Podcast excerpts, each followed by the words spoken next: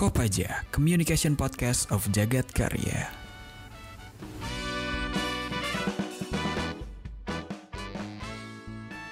Halo warga Vkom, ketemu lagi di Kopaja, Communication Podcast of Jagat Karya.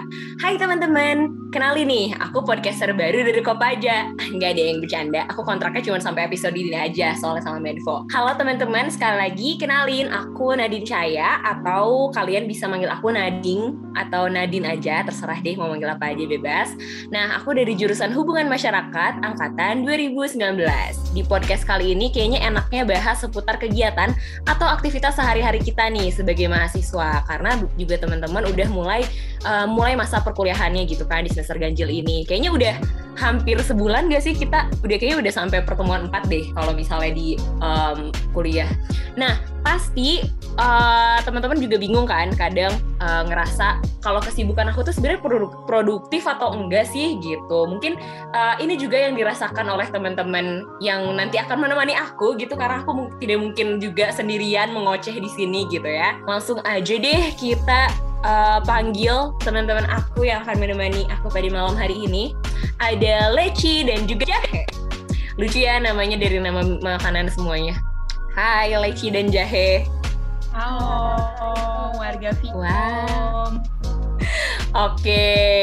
nah karena teman-teman juga nanti akan apa namanya uh, bincang-bincang uh, gitu aja, elah bincang-bincang gitu, kayak talk show sama aku. Mungkin boleh kenalan dulu kali ya, karena tadi kan baru kenalan dari suaranya aja. Sekarang boleh kenalan dulu dari Leci kali ya?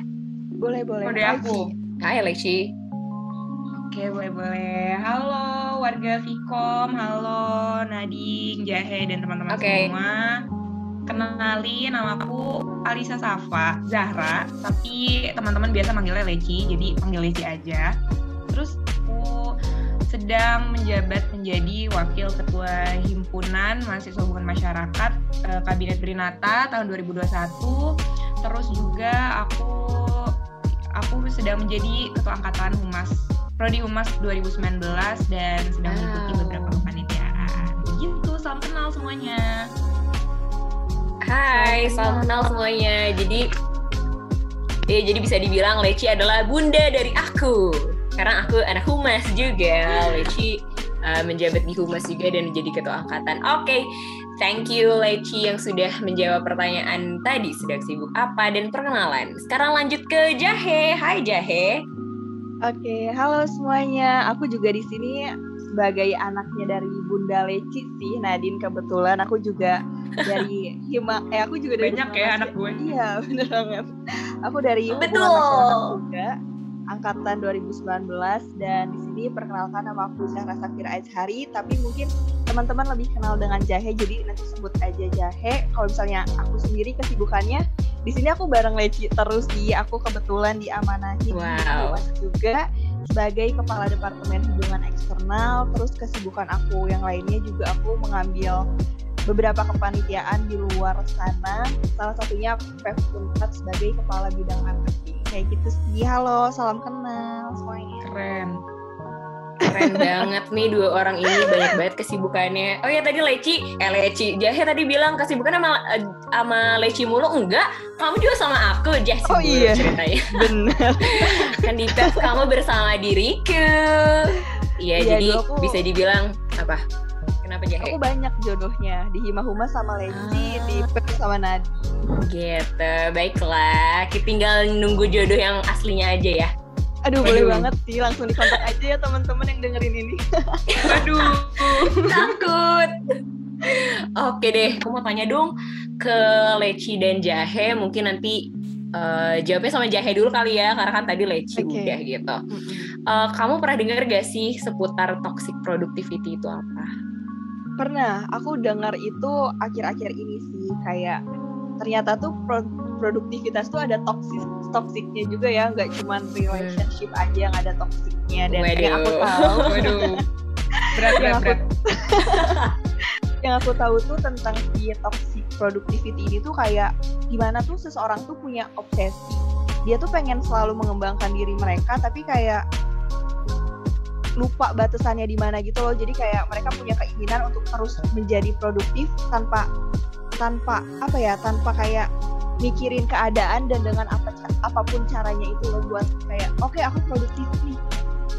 Wow jadi kayak mereka istilahnya overwhelmed sama hmm. produktivitas mereka ya gitu ya. Tanpa mereka sadari gitu kadangnya nggak sih kadang orang-orang ngambil A B C D apalagi di online ini gitu terus tiba-tiba mereka kewalahan sendiri gitu iya. oke okay deh Jahe thank you kalau dari Leci sendiri pernah dengar gak sama yang namanya toxic productivity? Atau tadi baru dengar dari Jahe, jangan-jangan?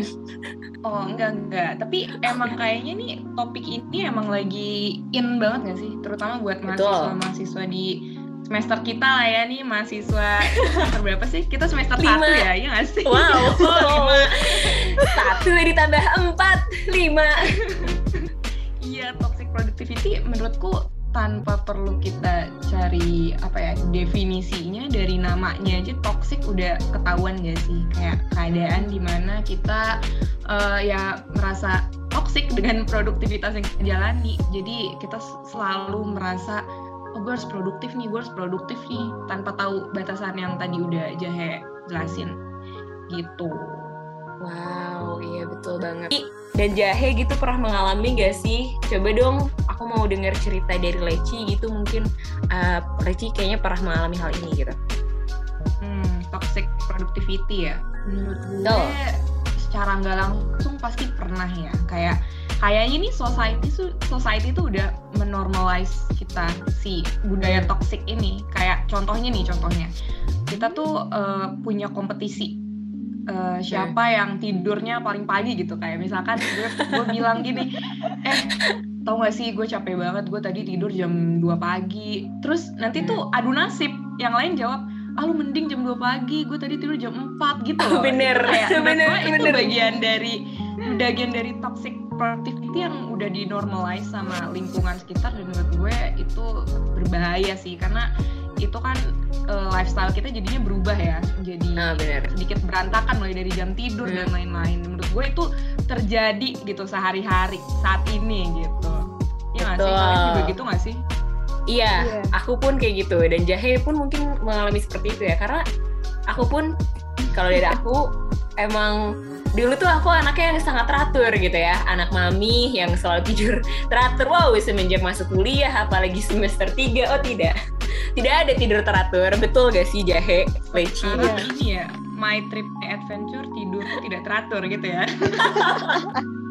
Bener banget bener banget jadi ya begitulah ya derita nggak derita juga sih sebenarnya karena kalau sebenarnya kita happy happy aja gitu ya kalau tidur begadang tapi sebenarnya itu nggak baik juga gitu untuk kesehatan kita Iya, aku merasa aku pernah sih ya dari apa yang udah aku tahu tentang si toxic productivity itu.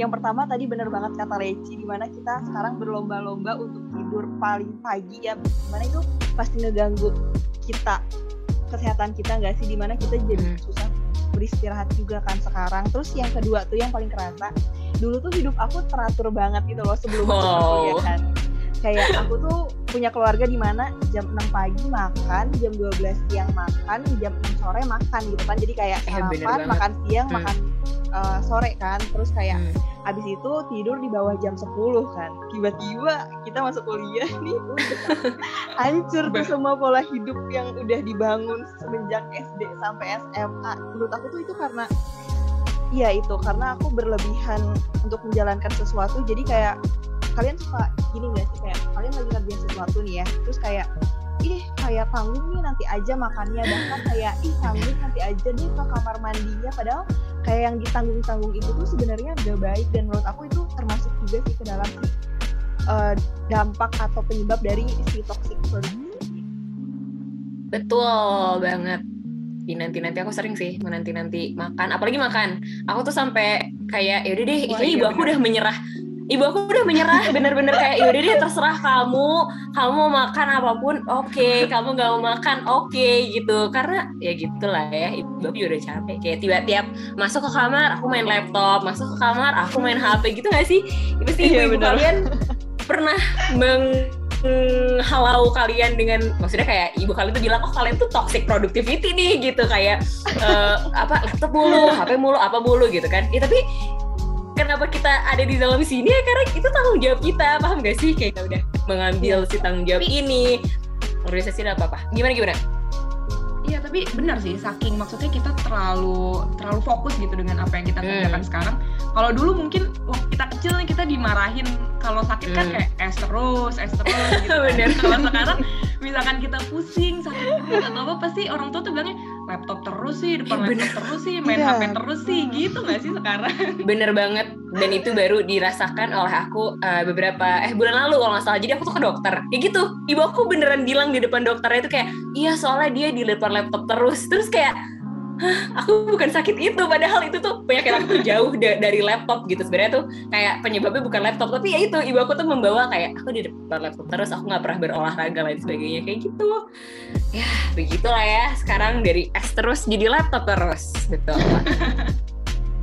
Nah, karena tadi juga kan teman-teman udah eh, apa namanya udah cerita gitu kan tentang pengalamannya ternyata tuh kayaknya pernah deh mengalami toxic productivity ini gitu.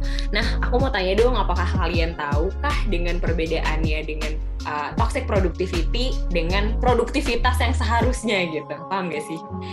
Boleh mungkin dari Jahe, Jahe mau jawab duluan?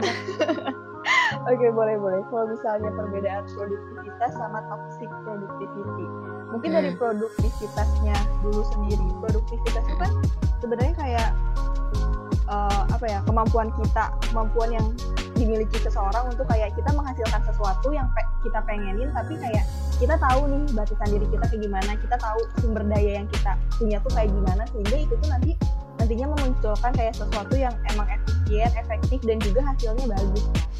Terus kalau misalnya perbedaannya sama si toxic productivity ini sendiri, eh, apa ya kayak tadi kan udah sempet aku bilang ini tuh semacam obsesi kayak keinginan yang di mana kita tuh kayak pengen terus-terusan terlihat produktif kita tuh kayak kalian tahu nggak sih kayak eh, apa ya ini udah jadi budaya di Indonesia ketika kita ngelihat orang lain yang lebih keren tuh kita pengen kayak mereka juga kan Hmm, bener. Hmm, terus kayak jadinya kadang kita kayak ya udah aku pengen kayak dia berarti aku harus ngambil juga sebanyak dia kan. Padahal tuh nggak kayak gitu loh kayak semua orang tuh Hmm. punya jalannya masing-masing. Jadi menurut aku tuh kalau misalnya produktivitas biasa kita tahu kemampuan kita kita tahu sumber daya kita akhirnya kita jalanin itu secara efektif. Sementara kalau productivity itu toxic productivity itu kayak itu obsesi atau keinginan kita yang kita jalanin secara berlebihan. Dan kalau misalnya kita gak ngejalanin itu tuh kayak ada merasa ih aneh. Ih gimana ya? Hmm. gitu ya kayak buat ngelakuin hal-hal yang akan kita lakuin ke depannya. Hmm, bener bener banget. Aku juga merasakan hal itu. Mungkin teman-teman di luar sana juga merasakan. Kalau misalnya dari Leci sendiri, kalau misalnya menurut kamu perbedaannya dari produktivitas biasa dengan toxic productivity? Hmm. kayak kalau misalkan produktif kan kita melakukan sesuatu baik itu mungkin pekerjaan atau sekedar belajar and we gaining something from that gitu kan Hmm. meanwhile kalau misalkan toxic productivity tuh kadang ya kita terpacu buat ya udah sibuk aja terus produktif Iya. aja terus tapi kadang kita juga lupa sebenarnya apa sih yang kita kejar apa sih yang mau kita ambil gitu Iya. dari pekerjaan yang sedang kita lakukan dan Bener. dengan embel-embel toxic itu kita jadi nggak tahu kapan harus berhenti dan beristirahat itu sih Iya kayaknya bener. bedanya. Betul banget. Oke, nah karena juga tadi udah bahas nih ya tentang produktivitas itu apa, toxic productivity itu itu toxic productivity itu apa. Nah, kalau menurut kalian itu eh, mungkin bisa diceritain langsung kayak dari dampaknya post toxic productivity itu apa dan juga eh, cara ngatasinnya itu gimana gitu. Biar kita tuh tidak terjebak dengan dampak yang dihasilkan oleh toxic productivity gitu. Hmm. Boleh dari Leci mungkin. Hmm, kalau menurut gue toxic productivity itu satu. Ini ini udah pasti banget. Lifestyle kita tuh jadi nggak sehat. Kita jadi ya itu tadi makan nggak teratur tidur nggak teratur semuanya nggak teratur. Jadi terpecah belah gitu konsentrasinya. Kayak tugas banyak tapi kita punya eh, punya tugas juga di kepanitiaan. Terus kalau misalkan Hmm. kita nggak bisa manage waktu dengan baik ya ya udah kita jadi eh, aduh kerjaan yang mana dulu ya? Aduh yang ini keteteran yang ini keteteran. Terus jadinya mungkin nanti turn in late tuh Google Classroom atau bahkan mungkin lo nggak lo nggak mengerjakan tugas lo di kepanitiaan dengan sebaik-baiknya. Menurut gua Iya, itu betul. parah banget sih. Padahal sih kita bisa fokus aja ke satu kayak ya udah lo bisa berdampak baik di satu hal aja itu udah bagus gitu. Untuk Iya. apa lo mencari banyak hal tapi lo nggak bisa menjalankan semuanya dengan maksimal gitu Oh my god. terus dampak lainnya Touch a word. gue ini sih menurut gue toxic productivity itu bikin kita punya ekspektasi yang tinggi sebenarnya nggak ada yang salah sih dengan punya ekspektasi yang tinggi cuman hmm. somehow kita harus punya ekspektasi yang realistis gitu biar kita nah, tahu iya. gimana caranya untuk mencapai itu dan ekspektasi itu nggak cuman bisa jadi angan-angan kita doang Bener. karena ya kita kalau kayak gitu bakal jadi manusia yang nggak pernah puas Ya, wow, keren banget. Ih, gue keren banget deh. Gue merasa gue keren banget Alisa Safa. Mau denger Alisa Safa yang biasanya ngebadut di grup angkatan atau di grup humas? Wah, datanglah ke podcast ini. ya, Alisa Golden kalau, Ways. Kalau tadi Nadine nanya cara buat ngatasin itu, menurut hmm. gue cuma satu aja sih satu. Kayak apa? Uh, kalau lo mau melakukan sesuatu ya seek your own value terus kayak learn how to say no juga. Kalau misalkan emang lo nggak mampu atau lo sebenarnya nggak bisa nggak tahu value di balik apa yang lo kerjain ya nggak usah diambil gitu kesempatannya. Jadi fokus dan set prioritas lo aja. Betul banget. Learn to say no. Oke okay, thank you Leci mungkin juga oh, itu jadi tamparan juga buat aku aja tamparan. Justru aku juga jadi sadar juga sih oh iya bener kita kita sepertinya harus melakukan hal-hal itu gitu. Kalau dari jahe sendiri kah? Aduh uh, sebenarnya ini uh. udah diborong gitu loh sama Leci aku kayak sorry ya. Jahe harus jawab apa nih? Jahe harus pressure. Iya pressure, pressure. kalau misalnya dampak ya yang aku rasain tuh yang pertama ya pastinya kesehatan kan tadi udah dibahas. Terus ini sih jadinya kita rentan terkena stres gitu gak sih? Kayak yeah. aku kadang suka menemukan teman-teman aku yang kayak mereka tuh kayak udah give up banget itu loh sama kehidupan. Cuman kayak aku bisa tuh gitu? Tapi kayak susah sih. Sebenarnya itu harus datang dari diri sendiri juga ya buat kayak keluar dari stres itu. Aku pun kayak membatasi diri kayak stres boleh ya tapi kayak kamu nggak boleh keluar kayak melakukan hal-hal aneh dari kes kestresan kamu ini hmm. gitu terus kayak hmm.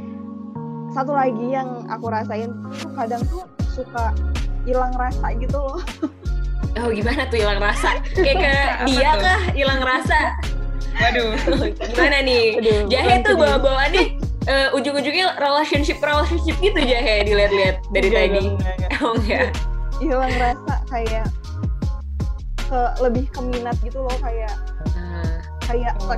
kadang kita terlalu produktif gitu sampai kayak hmm. akhirnya kita punya waktu luang buat kayak jalan-jalan atau ngelakuin hobi kita tuh kayak hmm. jadinya kayak iya apaan sih? Nggak jelas kayak gitu jadi kayak banget. sih ini nggak produktif banget. Ngapain gue jalan-jalan? Ngapain gue ngejalanin ini? Lebih baik kayak aku ngelakuin hal yang lebih bermanfaat dari itu kayak gitu loh kayak bener. Tapi iya kan? Tapi seharusnya tuh kita tuh harus liburan kita tuh harus jalanin hobi harus istirahat. Karena yeah. kalau nggak gitu balik iya, lagi kita pasti stres bener gak iya bener banget. Nih gak sih? Mm-mm, aku bener. juga merasa sejak aku punya produktivitas juga nggak pernah ngejalanin hobi aku lagi. Iya bener juga wow. Padahal tuh apa ya hobi itu tuh bisa buat maksudnya kayak hobi tuh malah bisa meningkatkan produktivitas kita juga gitu loh hmm. kayak bener kata Leci tadi mendingan kayak satu tapi emang bener-bener dan itu bermanfaat juga gitu loh buat semua orang. Karena nggak semua hal yang kita ambil tuh selalu bagus dan selalu sesuai dengan ekspektasi kita kayak. Dan buat cara ngatisinnya sendiri itu hmm. Yang pertama kita harus tahu sih tujuan kita tuh apa. Kayak aku ngambil himhum aku ngambil pep atau kepanitiaan yang lain tuh harus tahu tuh tujuannya apa. Nggak asal ngambil buat menuhin CV aja gitu loh. Karena kalau misalnya asal ngambil buat menuhin CV buat apa nggak sih? Kalau misalnya emang itu apa ya yang kita ambil tuh nggak sesuai sama uh, prospek kita kerja ke depannya. Hmm.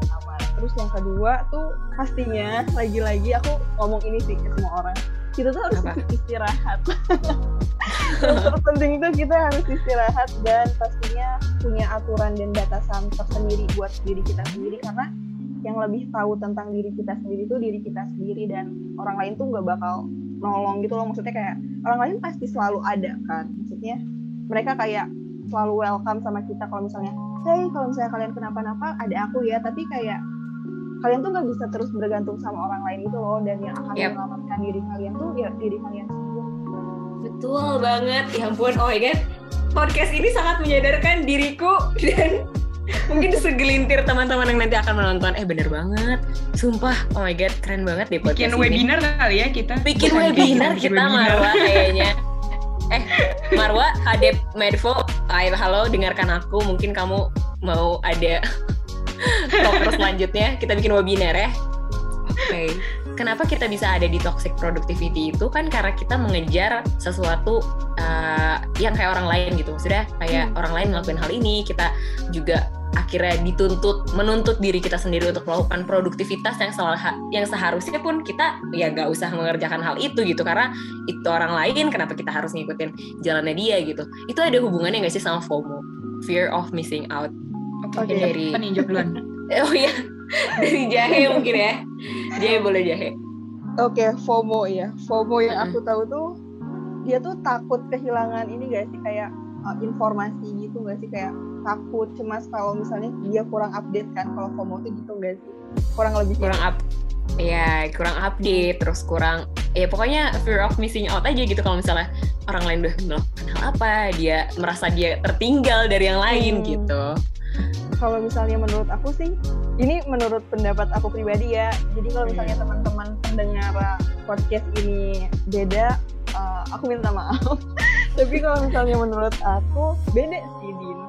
Karena Hmm. kalau misalnya FOMO tuh kan kondisi di mana tuh seseorang tuh takut nih kayak dibilang dia nggak update lah, dia ketinggalan berita lah, dia ketinggalan informasi kayak gitu kan, hingga pada akhirnya dia tuh akan lari ke uh, media sosial misalnya kayak untuk mempromosikan diri dia sendiri untuk kayak uh, apa ya ngasih tahu orang kayak ih aku update oh kayak aku ke sini ke sini aku nyari informasi ini informasi itu. Terus kayak dia sebarluaskan biasanya lewat media sosial kan atau platform online lainnya. Sementara kalau misalnya toxic productivity itu lebih kayak dia tuh punya keinginan buat mengembangkan diri dia dan kayak dia tuh pengen ada sesuatu yang dia dapat gitu loh. Kalau misalnya uh, FOMO tuh dia mempromosikan diri dia doang ke orang lain kayak dengan kayak ih aku update.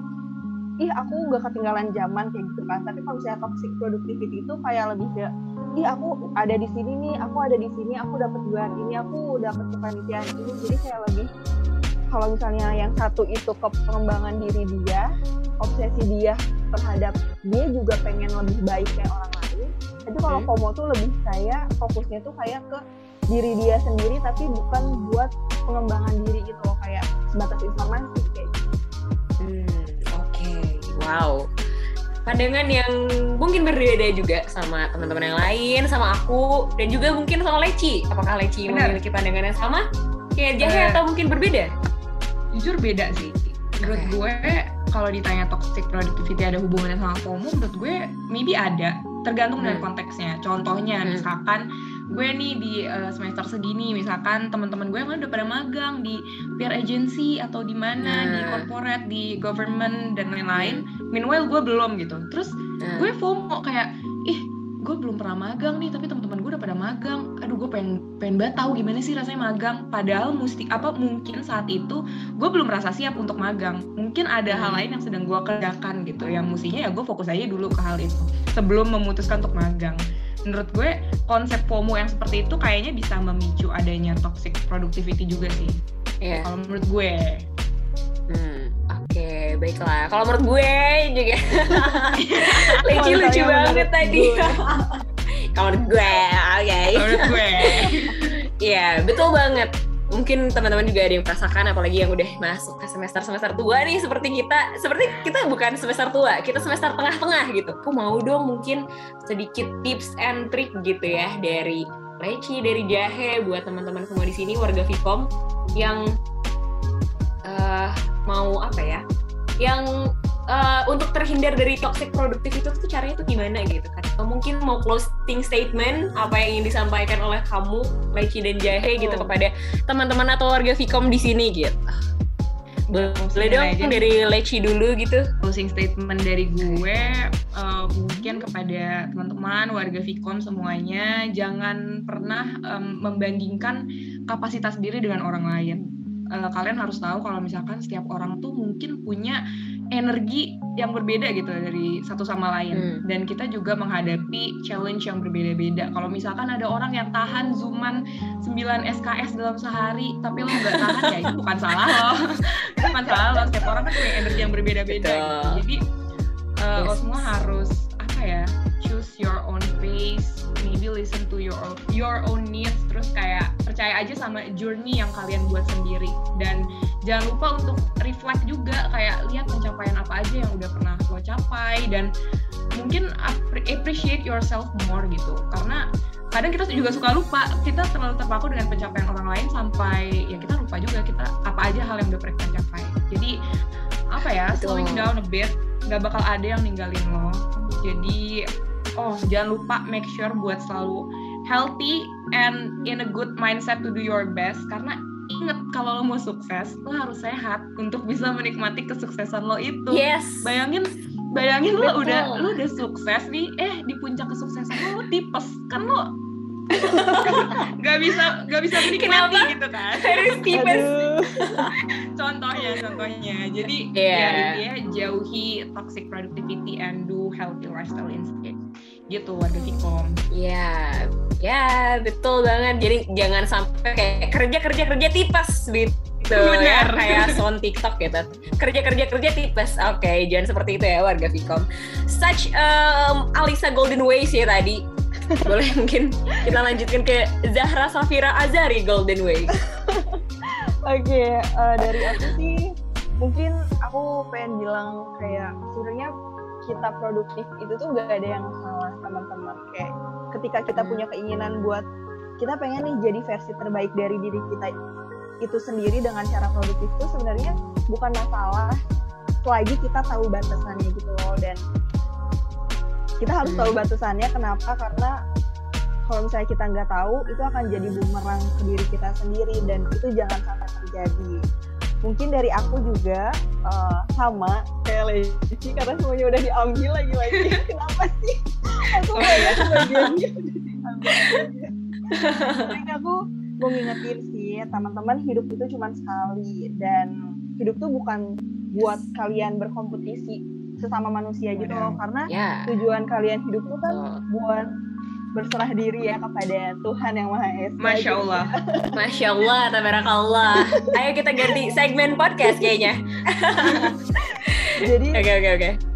Iya, jadi menurut aku kalian jangan membebani diri kalian sendiri untuk kayak saling berlomba dengan orang lain. Yang penting tuh tadi kata Leci benar, kalian sehat, kalian bahagia. Karena balik lagi hidup itu cuma sekali. Kalau misalnya kalian gak nikmatin sekarang, memang kalian yakin gitu kalian akan hidup di kemudian hari juga itu belum tentu kan? Jadi selagi kalian ngejar mimpi tolong jaga kesehatan kalian tolong jaga diri kalian.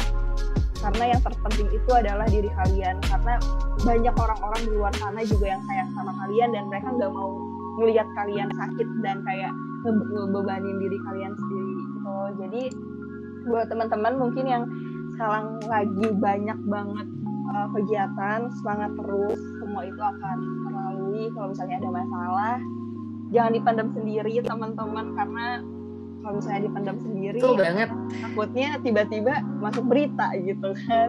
Wow. Agak serem aduh takut iya ingat aja kalau misalnya kalian nggak sendiri di dunia ini kalian masih punya aku Leci Nadi punya aku. Teman-teman sekitar kalian dan keluarga kalian. Jadi jangan lupa juga berterima kasih sama diri sendiri. Dari aku segitu sih. Wah sumpah kayak diingetin pacar wow. sih? Iya. Ya ampun jahe sangat girlfriend materials banget deh jahe. Oh my god aku tadi di apa ya seperti di kayak dikasih siraman rohani itu gak sih? Kayak oh dari tadi kata-kata positif banget gitu ya. Kalau boleh aku rangkum sedikit gitu ya dari apa yang dibilang sama Jahe sama Leci tadi eh, nggak uh, ada salahnya untuk kita produktif nggak ada salahnya untuk kita mengejar mimpi-mimpi kita gitu. Uh, ngerasa FOMO itu pasti mungkin kita akan merasa FOMO gitu kan. Tapi ya dengan hal itu juga uh, teman-teman harus tahu batasannya kita gitu uh, apa namanya kapan kita harus um, mengejar mimpi kita, kapan kita harus istirahat, kapan kita harus melakukan something yang membuat kita senang gitu lain sebagainya gitu. Dan bener kata Leci dan kata Jahe tadi ya kalau mau kerja kerja kerja kerja ya harus ada tahu batasannya juga dan tahu uh, kapan harus kita berhenti gitu. Kalau misalnya enggak eh kapan kita mau nikmatin hidup? Kapan kita mau nikmatin kesuksesan kita? Nanti kalau misalnya nanti kata Leci gitu kan sukses sukses tapi ntar kita tipes. Gimana kita menikmatinya gitu kan? Malah jadi dinikmatin nggak dinikmatin sama kita sendiri gitu. Oke, karena tadi sudah dijelaskan dan aku juga sudah merangkum sedikit dari apa yang dibicarakan oleh Leci dan juga Jahe gitu ya. Uh, kita sepertinya sudah sampai di kalau MC MC kan ngomongnya kita sudah sampai di penghujung acara gitu. Tapi karena ini Jadi, agaknya bukan webinar, oh Mbak MC, agaknya ini bukan webinar gitu ya, ini podcast gitu. Jadi apa ya sebutannya? Gue nggak tahu nih kalau podcaster podcaster tuh ngomong uh, sambutannya terakhir apa gitu ya. Uh, jadi mungkin aku juga mau berterima kasih kali ya sama Jahe dan sama Leci yang sudah menyempatkan dirinya untuk hadir di Zoom meeting ini. Oh ya, FYI kita menggunakan Zoom gitu ya untuk membuat podcast ini. Jadi kita ada di satu room Zoom untuk mengobrol gitu. Nah, tapi sebelum kita sudahi podcast ini, mungkin ada teman-teman yang uh, lebih penasaran lagi sama Leci sama Jahe gitu. Mungkin mau merich Jahe dan Leci lebih jauh lagi, boleh dong uh, dipromosiin IG-nya boleh nggak? Atau misalnya kontak yang bisa dihubungi gitu? Atau kalau misalnya mau oh mau tahu kesibukan Leci dan Jahe selanjutnya, nanti kan di LinkedIn kita gitu. Boleh? Ada LinkedIn atau Instagram yang bisa dibagikan kah buat teman-teman atau warga Vkom? lucu banget sumpah kita konsepnya kayak agak ini ya menjual diri juga gitu ya iya. betul bisa menjual diri di sini Eh gak apa-apa ya, sih, gue... siapa tahu eh. ada yang yang Oh eh, iya jahe. Oke oke oke. Ah gitu. Oke, boleh. Kita aminin aja kali ya. Oke. Boleh boleh. Gue mau bilang makasih dulu nih ke teman-teman BMPcom yang udah mengundang gue sama Jahe buat sharing-sharing. Semoga tadi juga apa yang kita sampaikan bisa berguna ya untuk teman-teman semua. Terus teman-teman kalau mau ngobrol-ngobrol um, mungkin sama aku uh, mau mendapatkan siraman rohani yang lebih banyak lagi gitu ya. mungkin bisa uh, fit sets aku ke Instagram aja @alysshfzhr atau kalau mau ke LinkedIn juga boleh tapi uh, ah di IG aja sih. Tapi kalau mau juga gak apa-apa namanya Alisa Safa Zahra. Terima kasih semuanya. Ayo connect sama aku. Wede. Oke, okay, di Alisa Safa Zahra di LinkedIn, terus ada di uh, apa Instagram tadi Alisa SFZR. ya itu nanti nanti gue taruh komen lah ya, nanti gue taruh oh, komen. Oh iya, nanti taruh komen ya. Oke, okay, kalau dari Jahe mau mempromosikan dirinya juga kah?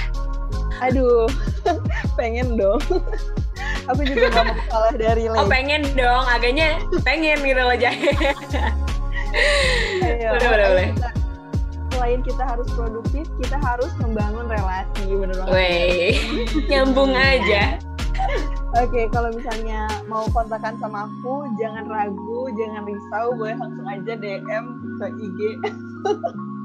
Kamu tahu banget, oke. Okay. Malu sendiri kan lu, Jah? Malu sendiri kan? ke IG at Sapira Azahra tapi hanya satu gitu ya. Jadi S A P H I R A Z Z A H R A. Terus